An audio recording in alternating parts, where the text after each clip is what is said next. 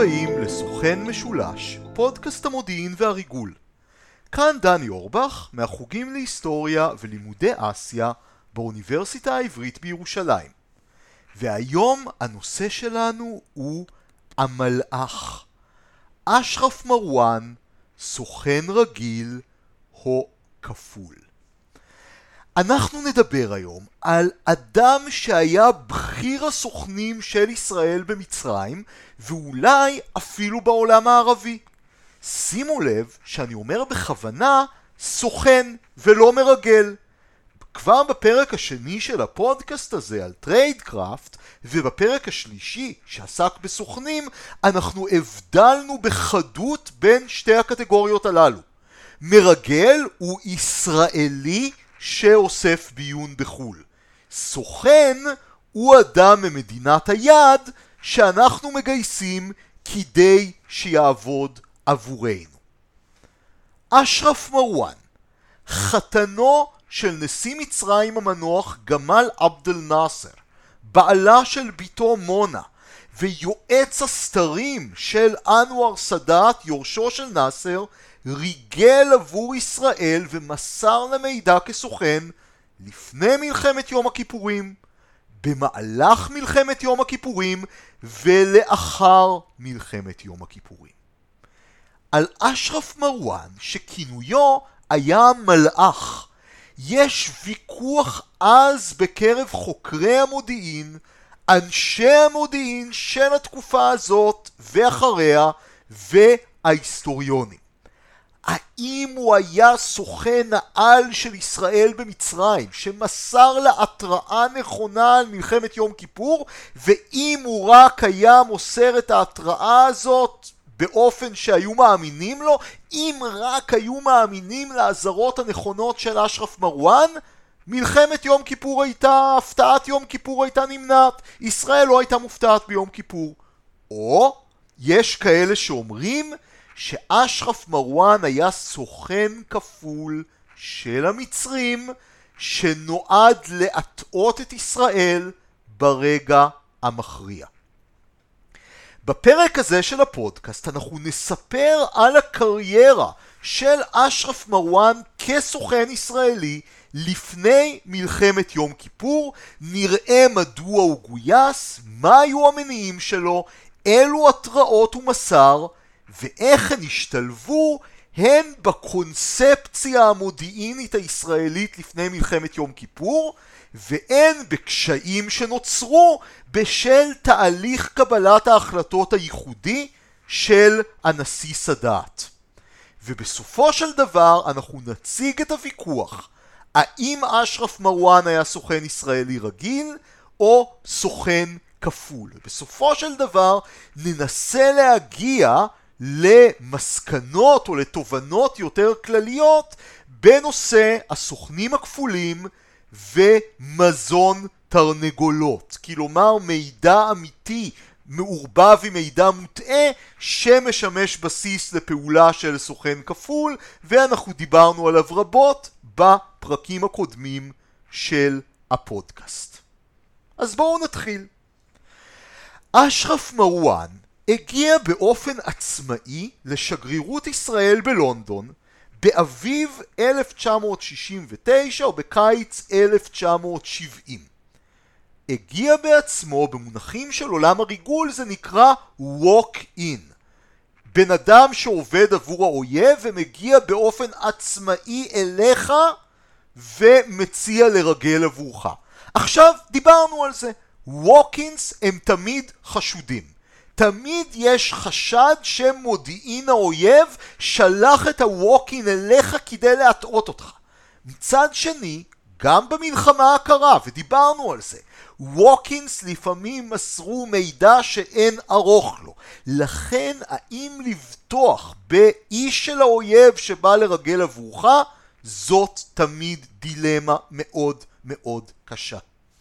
והדילמה הייתה יותר קשה במקרה של אשרף מרואן. מפני שאשרף מרואן עוד לא היה לו תפקיד רשמי בכיר במצרים, אבל הוא היה מקורבו של הנשיא נאסר, הוא עבד בלשכה שלו, נכון, נאסר לא חיבב אותו, אבל עדיין הוא היה מקורב לצמרת.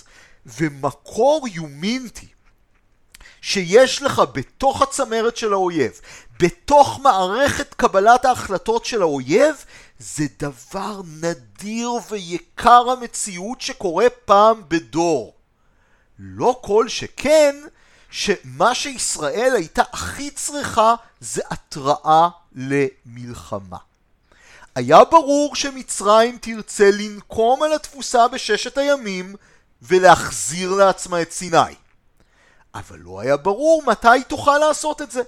ומכיוון שלישראל לוקח 48 שעות לגייס מילואים, התראה בזמן למלחמה יכולה להיות ההבדל מבחינת ישראל בין הצלחה לבין כישלון.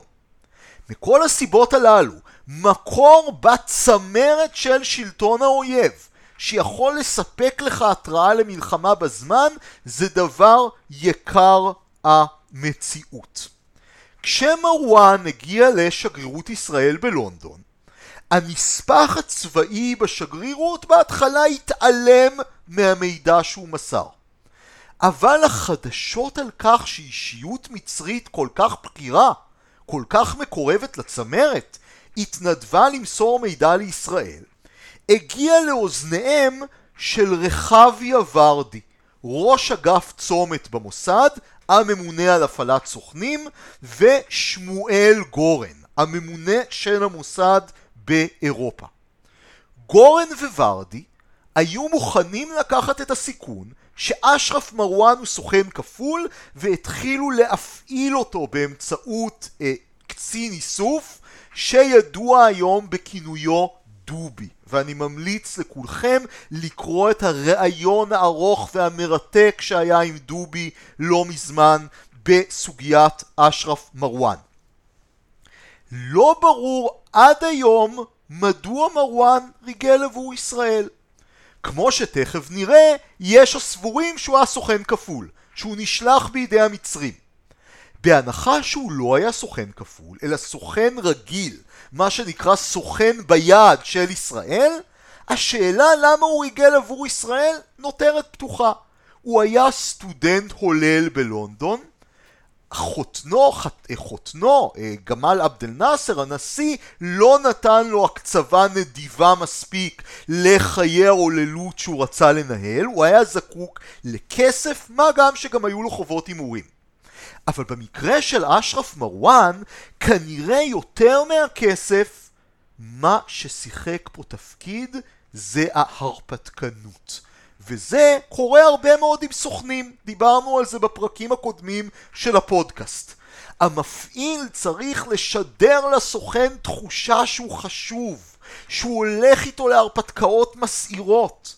ואולי אשרף מרואן גם נהנה לחשוב שהוא סוג של שחקן על שמתמרן בפוליטיקה הבינלאומית, אין את ישראל ואין את מצרים כדי להשיג מטרות פוליטיות משלו. כלומר לדחוף את ישראל ומצרים לכיוון הרצוי לו. זה מעלה סוגיה מעניינת נוספת שאנחנו יכולים לגעת בה בפרק הזה רק בקצה המזלג. שארגוני ביון מגייסים בכיר בממשלה יריבה או אפילו בארגון טרור כסוכן האם למעשה מדובר על סוכן, או ברמות הגבוהות האלה, אולי מדובר בכלל על שחקן פוליטי עצמאי, שאו מתמרן את ארגון הביון, או משחק איתו כבעל ברית בפוליטיקה הבינלאומית. למשל המלך חוסיין קיבל כספים באופן קבוע מה-CIA. אבו מאזן, מחמוד עבאס, נשיא הרשות הפלסטינית, היה רשום כסוכן קג"ב. אבל אנשים ברמה כמו מחמוד עבאס או המלך חוסיין שמנהיגים ארגונים ומדינות האם ניתן לדבר עליהם בכלל כסוכנים או כשחקנים פוליטיים עצמאיים בזירה הבינלאומית שגם עובדים עם ארגוני ביון למען תועלת הדדית וזאת שאלה שאנחנו נדבר עליה בפרקים עתידיים של הפודקאסט ובינתיים נשאיר פתוחה אבל בחזרה לסיפור אשרף מרואן. אשרף מרואן, החל מ-1971, מסר לישראל ידיעות צבאיות ופוליטיות מהצמרת המצרית שחיזקו באמ"ן, באגף המודיעין של צה"ל, את מה שנקרא הקונספציה. הקונספציה הייתה שורה של הנחות שהחזיק אותן במיוחד ראש אמ"ן דאז, האלוף אלי זעירה, שעסקו בשאלה מתי מצרים תתקוף את ישראל. הקונספציה אמרה כדלהלן ראשית, סוריה לא תתקוף את ישראל ללא מצרים. שנית, מצרים עדיין לא מוכנה למלחמה ולא תצא למלחמה עד שהיא תקבל מהסובייטים מטוסי קרב חדשים וטילי סקאד קרקע קרקע. למה היא צריכה מטוסי קרב חדשים וטילי סקאד קרקע קרקע? כדי להתמודד עם העליונות האווירית של ישראל, שהייתה אחת מהסיבות העיקריות לניצחון ישראל במלחמת ששת הימים. ברגע שהמצרים חוצים את התעלה ומתקדמים לכיוון ישראל מעבר למרחק של עשרה קילומטרים מהתעלה, מטריית הנ"מ כבר לא יכולה למנוע מחיל האוויר הישראלי לפעול באופן חופשי ולרסק את הצבא המצרי הפולש. לכן, אמרה הקונספציה, המצרים לא יתקפו בלי מטוסי קרב שיאפשרו להם להתגבר על העליונות האווירית הישראלית ובלי טילי סקאד שיוכלו לתקוף מטרות בעומק ישראל ולהרתיע את ישראל מתקיפת מטרות בעומק מצרים. מצרים מקבלת טילי סקאד באוגוסט 1973 יחסית מאוחר, מה שאין לה זה מטוסי קרב, מספיקים מטוסי המיראז' שהיא קיבלה מלוב עדיין לא עשו את העבודה באופן מלא. ואמן מקבל החל מ-1971 ידיעות ממקורותיו השונים במצרים, גם מאשרף מרואן, שידוע בכינוי הקוד שלו המלאך, שמצרים לא תתקוף את ישראל עד שיתגבשו שני התנאים הללו. מטוסי קרב וטילי סקאד. עכשיו, תנאים כאלה מאוד נוחים לשירות מודיעין, מכיוון שתפקידי כראש אמ"ן זה להעביר לממשלה התראה למלחמה. ברגע שאני יודע בבירור שמצרים תתקוף רק אם יתמלאו שני תנאים, מטוסי קרב וטילי סקאד, העבודה שלי מאוד קלה. מאוד קל לי לספק התראה למלחמה, וגם מאוד קל לי להתעלם מידיעות אחרות שלא מתאימות לקונספציה. זאת הייתה אחת הסיבות שאמן אחז בקונספציה בכזאת קנאות כי היא הייתה מאוד מאוד נוחה. הבעיה הייתה שידיעה מודיעינית נכונה רק לשעתה. וכך גם היו הידיעות המודיעיניות שהקונספציה התבססה עליהן. ידיעה מודיעינית יכולה להיות נכונה היום, אבל מחר המנהיג ישנה את דעתו. והיא הופכת ללא רלוונטית. וזה בדיוק מה שקרה כאן. בסוף 1972 סאדאת שינה את הקונספציה. הוא החליף באופן סודי, שהיה ידוע רק למטה מעט, את התוכנית האסטרטגית שלו שנקראה תוכנית גרנית וגרסה התקדמות למעברי הגידי והמיתלה בסיני, כלומר מעבר לטווח עשרת הקילומטרים, לתוכנית שנקראה צריכים גבוהים, שגרסה התקדמות רק בטווח עשרת הקילומטרים מעבר לתעלה, אז הוא ייהנה מעליונות הנ"מ המצרית ולא יצטרך להתגבר על העליונות האווירית הישראלית. מה הייתה הכוונה של סאדאת? לא לכבוש את כל סיני בכוח, הוא ידע שאין לו יכולת לעשות את זה, בטח לא להשמיד את ישראל, אלא להשפיל את ישראל ולטלטל אותה מספיק כדי בהדרגה להוביל אותה למהלך מדיני שיחזיר את סיני. וכמו שאנחנו יודעים, בפרשת השלום עם מצרים, זה הצליח לסאדאת מצוין. אחת מהסיבות שהמודיעין הישראלי לא עלה בזמן על שינוי המדיניות או על שינוי ההחלטה של סאדאת הייתה דרך קבלת ההחלטות הייחודית של הנשיא סאדאת. ופה צריך להבדיל בין שני סוגים שונים של מנהיגים. סוג ראשון של מנהיגים שיחסית קל למודיעין אויב לחזות את ההחלטות שלהם, אלו מנהיגים שנוהגים לקבל החלטות לאחר ישיבות ודיונים ממושכים עם גורמים רבים ולנקוט במדיניות שהיא פחות או יותר הממוצע של מה שהסיעות החזקות בממשלה רוצות. מדיניות של פשרה. עכשיו, שליט שמקבל החלטות בצורה הזאת, מאוד מאוד קל לזהות את ההחלטות שהוא מקבל ולחזות אותן משתי סיבות. ראשית כל, ככל שישיבות המדיניות של השליט יש בהן יותר משתתפים, אז סביר יותר שאחד מהם אולי ידליף לנו מידע, שאחד מהם יהיה סוכן. דבר שני, אם יש לנו מספיק מודיעין בסיסי על ארץ היעד, כלומר אנחנו יודעים מה סיעות הכוח השונות מעוניינות בהן ורוצות ואנחנו יודעים שלרוב ההחלטה של המנהיג היא איזו פשרה בין הסיעות השונות אז אנחנו יכולים לחזות במידה רבה של דיוק מה המנהיג בסופו של דבר יחליט. הבעיה הייתה שסאדאת לא קיבל החלטות בדרך הזו. סאדאת היה שייך לסוג שונה של מנהיגים שאוהבים לקבל החלטות לבד. ההחלטות שסאדאת קיבל היו לפעמים אחרי תקופה של התבודדות ומחשבה, או לבדו, או עם מספר מאוד קטן של מקורבים. ראשית כל, להחלטות כאלה יש חתימה מודיעינית מאוד נמוכה, כי מעט מאוד אנשים יודעים עליהן. שנית, בסופו של דבר ההחלטות האלה הן לא פשרה בין הרבה עמדות שונות, אז קשה לחזות אותן. הן נוטות להיות מאוד חדות ודרמטיות, כי אלה החלטות שהמנהיג מקבל לבדו.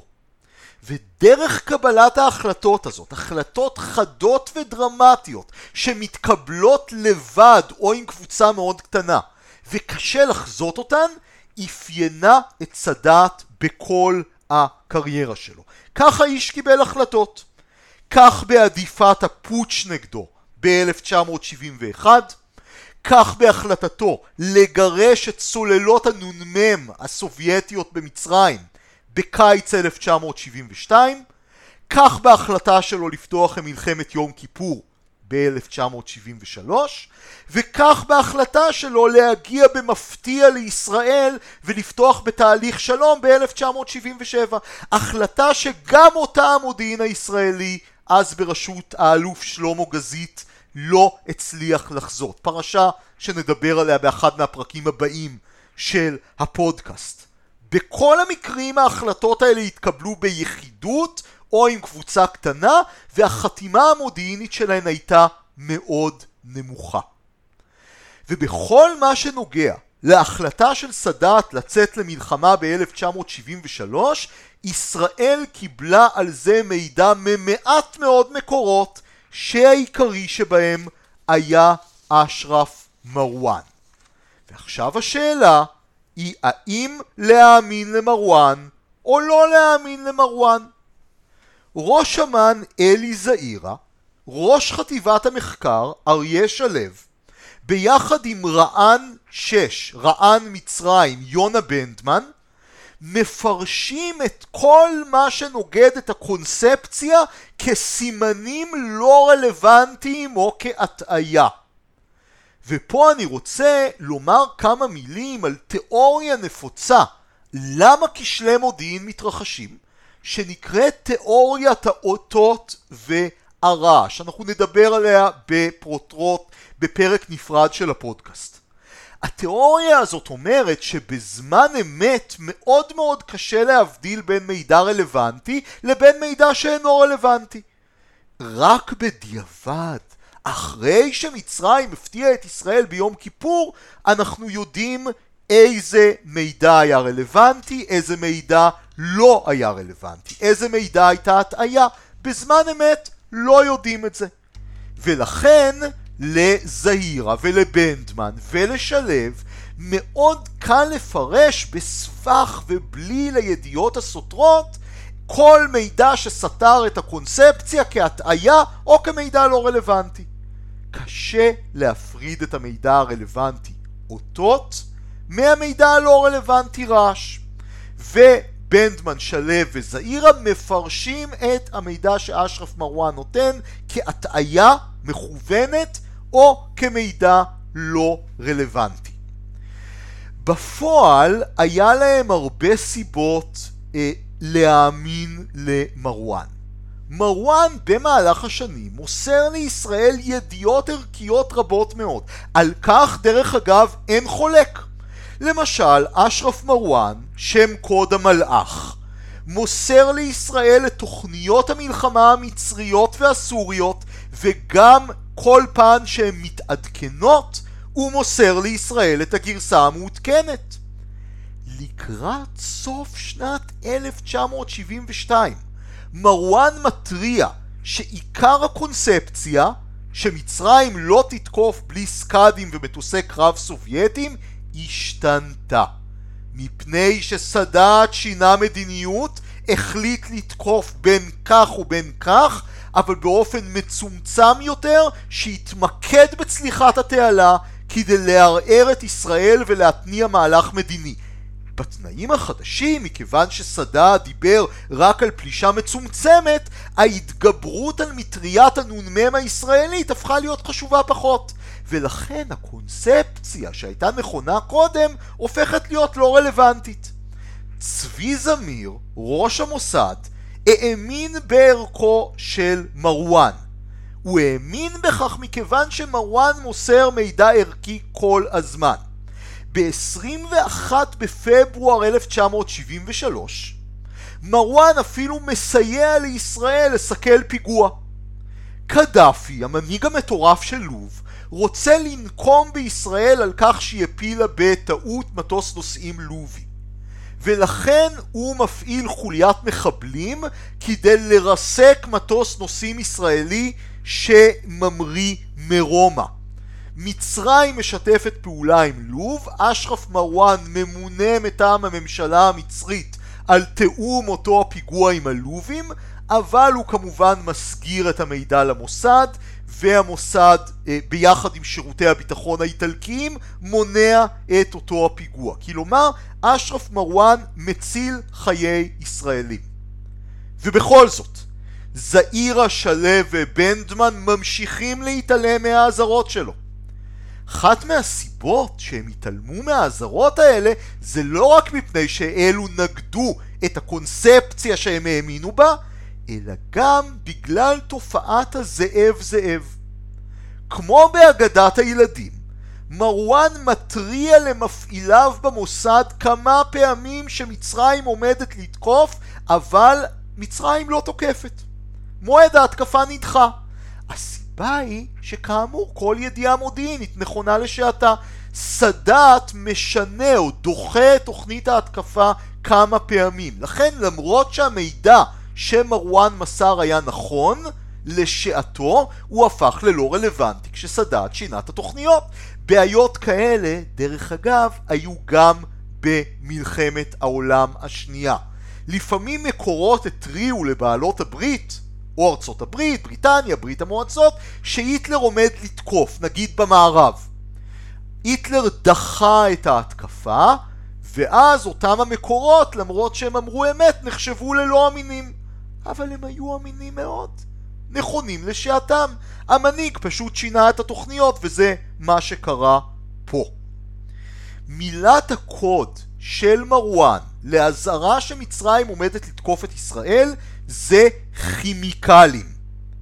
40 שעות לפני פרוץ המלחמה, אשרף מרואן מתקשר לראש המוסד צבי זמיר ואומר לו הרבה כימיקלים, כלומר אזהרה מיידית למלחמה ומבקש פגישה עם צבי זמיר יום לאחר מכן.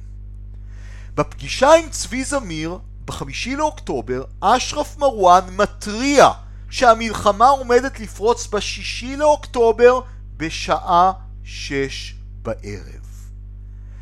בפועל המלחמה פרצה בשישי לאוקטובר בשעה שתיים בצהריים. תזכרו את הפרט הזה, יהיה לו חשיבות. זעירה לא רק מתעלם מההתראות האלה, אלא גם לא מפעיל אמצעי איסוף מיוחדים שהיו לישראל במצרים, שנועדו למקרה של מצב חירום. מה שנקרא האמצעים המיוחדים, אופיים ומסווג עד היום, כנראה מדובר באמצעי איסוף סיגינטיים, כלומר מכשירי האזנה שישבו על צומת תקשורת מצרי מרכזי, אבל קשה מאוד להחליף להם סוללות, זה דורש מבצע קומנדו, ולכן אמרו שמפעילים אותם רק בזמן חירום. זעירה ככל הנראה לא הפעיל אותם, אבל הטעה את הממשלה. גרם לממשלה לחשוב שהוא הפעיל את האמצעים המיוחדים, ואלו לא מגלים שמצרים עומדת לתקוף. הוא הטעה את הממשלה, הוא התעלם מהאזהרות של אשרף מרואן, הוא התעלם מכל יתר האזהרות, עוד פעם, כי הם לא התאימו לקונספציה, מבחינתו הן היו רק רעש. האם אשרף מרואן היה באמת הסוכן שהיה יכול למנוע את ההפתעה הישראלית, או שהוא היה סוכן כפול מתוחכם שהטעה את ישראל? על זה אנחנו נדבר בחלק השני שלנו.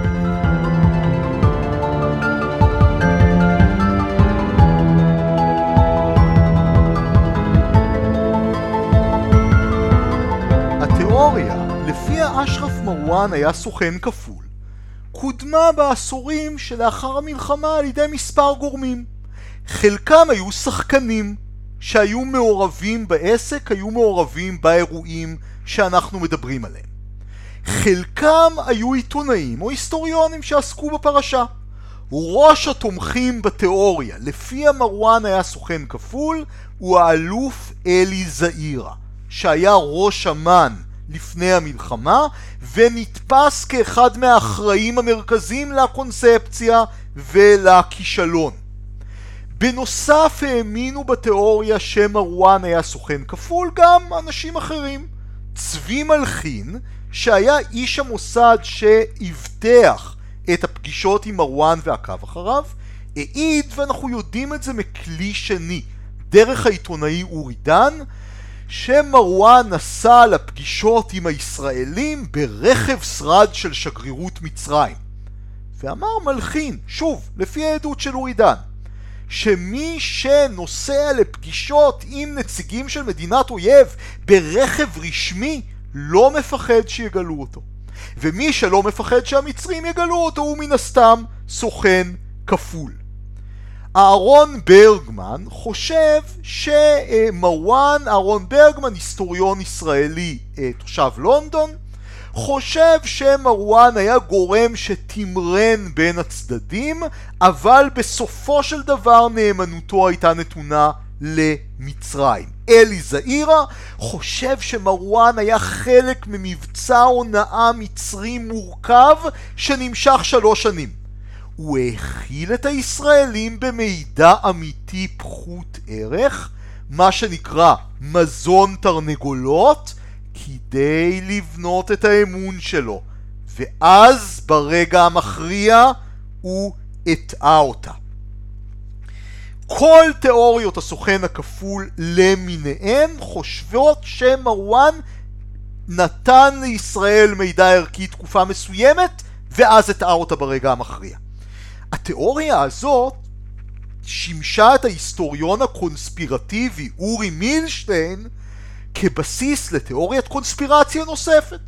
לפיה מלחמת יום כיפור מראש הייתה מזימה של מזכיר המדינה האמריקאי קיסינג'ר בידיעת ישראל ומצרים כדי ליצור את הבסיס לתהליך שלום בין שתי המדינות.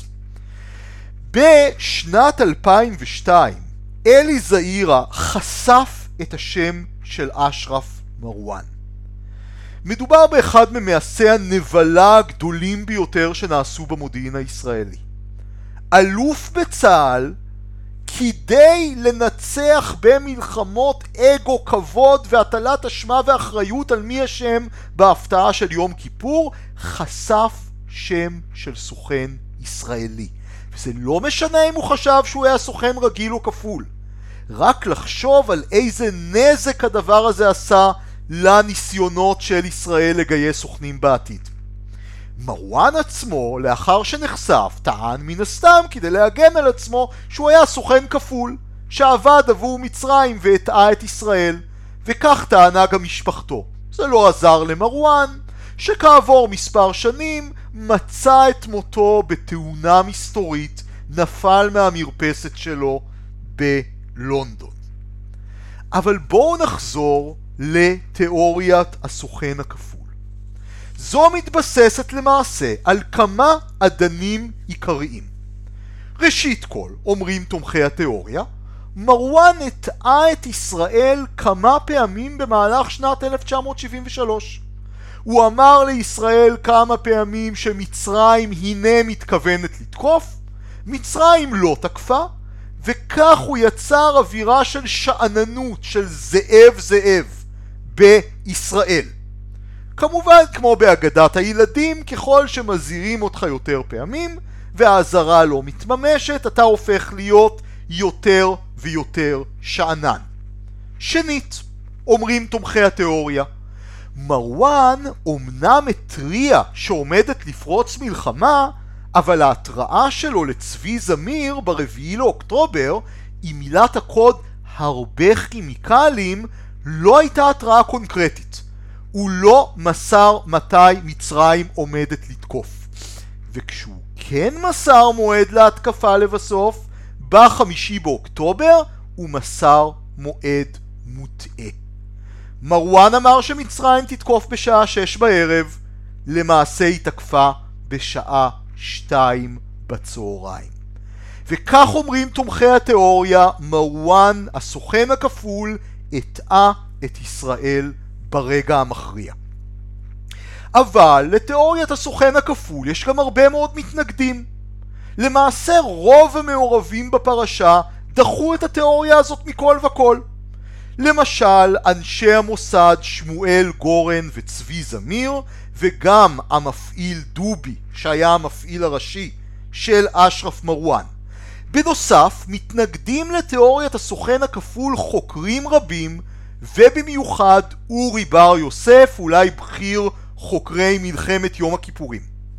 בר יוסף טוען שלזעירה היה אינטרס לקדם את תיאוריית הסוכן הכפול כדי להסיר מעליו את האחריות לפרוץ המלחמה ולהפתעה של ישראל בפרוץ המלחמה. ובמיוחד להסיר מעצמו אחריות לכך שהוא יתעלם מהאזהרות של אשרף מרואן.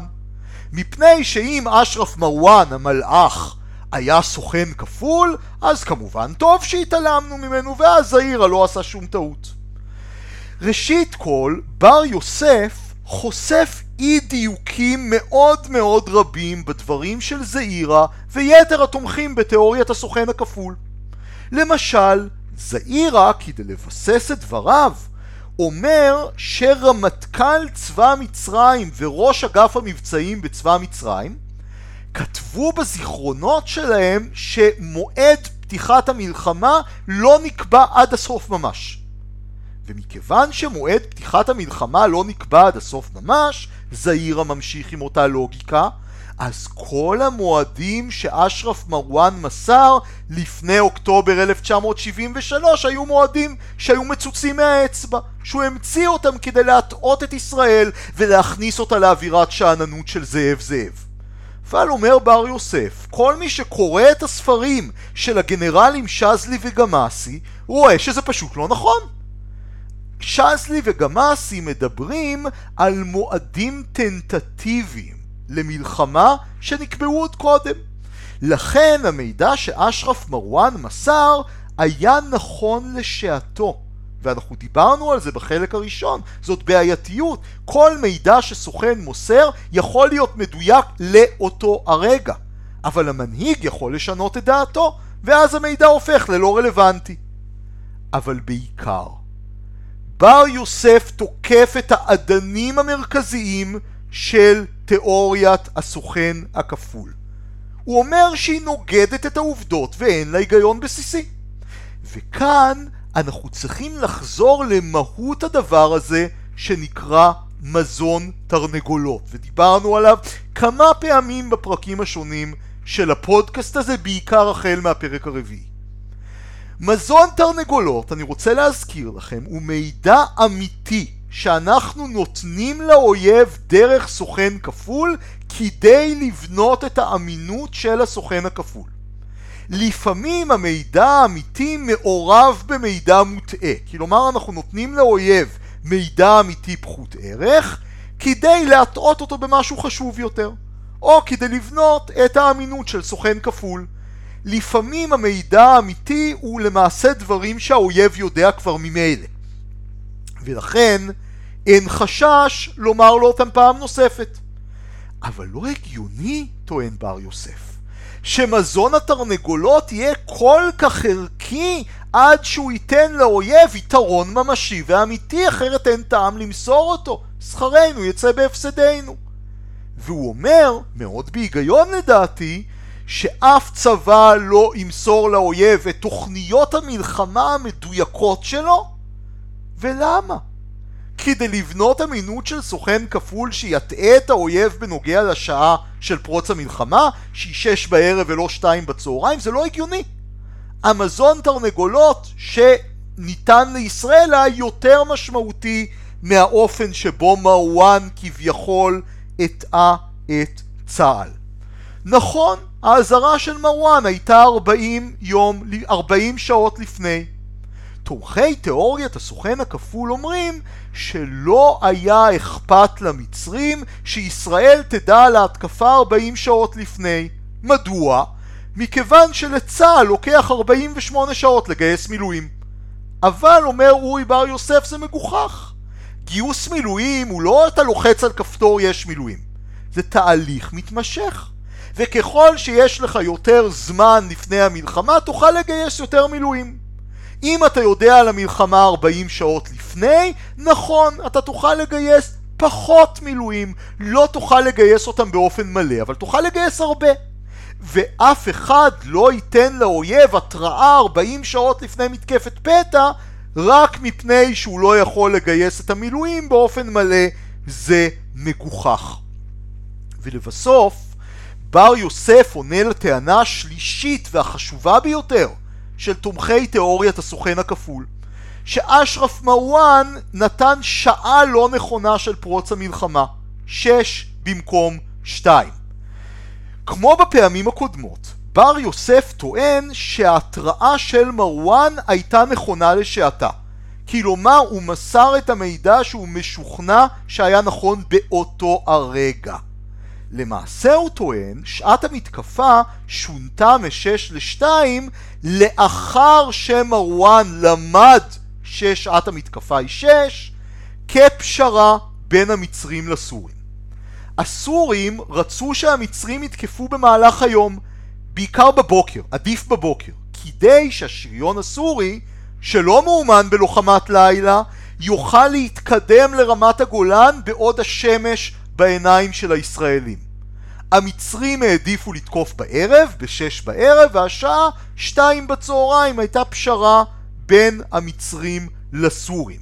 בשעות האחרונות לפני המלחמה מרואן היה כבר באירופה ולכן הוא לא ידע את השעה המדויקת אלא מה שהוא שמע לפני שהוא נסע והמידע שהוא נתן למוסד היה נכון לשעתו. ולבסוף, אומר אורי בר יוסף, האזהרות החלקיות של מרואן סייעו מאוד לישראל. ראשית כל, האזהרה שהוא נתן בסוף שנת 1972 סייעה לרמטכ"ל לדחות את התוכנית לקיצור השירות הצבאי. אם ישראל הייתה מגיעה למלחמת יום כיפור עם סדר כוחות של צבא סדיר שהיה קטן יותר, האסון היה הרבה יותר גדול.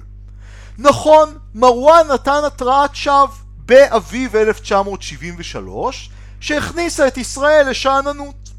אבל גם התרעת השווא הזאת סייעה לבנות את תוכנית ההגנה כחול לבן שעזרה לישראל במלחמה עצמה. ולבסוף, ההתראה של מרואן 40 שעות לפני המלחמה סייעה לישראל לגייס מילואים ולהתכונן לפחות באופן חלקי ורק בזכות הגיוס החלקי הזה, טוען אורי בר יוסף, ישראל הצליחה להתמודד עם הסורים בקרב נפח ולמנוע כיבוש מלא של רמת הגולן. מכל הסיבות האלה, טוען אורי בר יוסף, מרואן לא היה רק סוכן אמיתי, סוכן ביד, ולא סוכן כפול, אלא אחד מהסוכנים הכפולים שעזרו לישראל הכי הרבה למרות ההפתעה של מלחמת יום כיפור, ואולי גם את ההפתעה הזאת היה אפשר למנוע אם רק היו מקשיבים לו. אני חושב שיכולתם להבין כבר בין השורות שאני עצמי תומך בגישה של אורי בר יוסף וסבור שמרואן היה סוכן רגיל, סוכן ביד ולא סוכן כפול. ואני גם מסכים עם בר יוסף שהניסיון של אלי זעירה להפליל את מרואן קשור לניסיון של זעירה להסיר אחריות מעל עצמו גם במחיר הסגרת סוכן והכפשת שמו. וכמו שראינו, אחד הטיעונים של בר יוסף היה שלא הגיוני שמרואן היה מוסר לישראל את תוכניות המלחמה המצריות האמיתיות אם הוא היה סוכן כפול. מדובר במידע יותר מדי ערכי כדי שהוא יהיה מזון תרנגולות. אבל בדקות האחרונות של הפרק אני רוצה לחרוג מהסיפור של מרואן ולהעלות כמה תהיות על הקונספט של מזון תרנגולות באופן כללי. דיברנו על זה, אם אתם זוכרים, גם בהקשר של הצבא האדום בחזית המזרח של מלחמת העולם השנייה, בפרק הרביעי של הפודקאסט שלנו. אמרנו שיש תיאוריה לפיה סטלין הסכים למסור את תוכניות המלחמה של הצבא האדום לגרמנים כדי לבנות אמינות של סוכן כפול שיטעה את הגרמנים בסטלינגרד. וראינו שהיסטוריונים רבים לא מסכימים לזה וטוענים שאפילו הסובייטים לא היו יכולים למסור מידע ערכי כל כך כמזון תרנגולות. אבל תחשבו על זה ככה כשאני מחליט איזה מזון תרנגולות למסור כדי לבנות את האמינות של הסוכן שלי, אני צריך לחשב בזמן אמת את המשתנים הבאים. עד כמה המידע שאני מוסר כמזון תרנגולות מסוכן או לא? עד כמה האויב כבר יודע אותו? עד כמה הוא יעזור לאויב אם הוא ידע אותו? ואני צריך להשוות את זה למידע שאני מקבל מהסוכן הכפול עד כמה המידע שאני מקבל מהסוכן הכפול שווה את זה ולפעמים אני לא יודע עדיין בדיוק מה אני אקבל מהסוכן הכפול אז אני צריך לנחש ואפילו אם אני רוצה להטעות באמצעות הסוכן הכפול, גם הטעיה היא לא מדע מדויק. איך אני יודע שהאויב יבלע את ההטעיה? איך אני יודע שההטעיה תזיק לאויב יותר ממה שיועיל לו מזון התרנגולות? כל ההחלטות האלה הן החלטות אנוש, כולן מושפעות מכשלים קוגניטיביים, כשלים בחשיבה, כולן יכולות להיות מוטעות, כולן יכולות להיות הרסניות. ואני מפנה אתכם לפרק החמישי של הפודקאסט, שבו ראינו איך איינץ פלפה, הסוכן הכפול הסובייטי בביון המערב גרמני, זרה בביון המערב גרמני בוקה ומבולקה בתירוץ של מסירת מזון תרנגולות לסובייטים. אומנות מזון התרנגולות והפעלת הסוכנים הכפולים היא לא מדע מדויק, אלא מהאומנויות הקשות המסוכנות והמטעות ביותר בעולם הביון. בפרק הבא של סוכן משולש אנחנו נעבור מריגול וסוכנים כפולים לצד של אלו שמנסים לתפוס את המרגלים. אנשי המודיעין הנגדי, המודיעין המסכל. באנגלית Counter Intelligence. נלמד על יסודות הביטחון המסכל, נראה איך אפשר לגלות סוכנים ומרגלים, ולבסוף אנחנו נגיע לפרדוקס הבידיון, אחד מהכשלים המתעתעים יותר שיכולים להפיל את אנשי המודיעין המסכל, וגם נדבר על אחת מפרשיות המודיעין השערורייתיות ביותר בעידן המודרני, פרשת דרייפוס. כאן דני אורבך, מהחוגים להיסטוריה ולימודי אסיה באוניברסיטה העברית בירושלים. האזנתם לסוכן משולש, פודקאסט על מודיעין וריגול. להתראות בפרק הבא.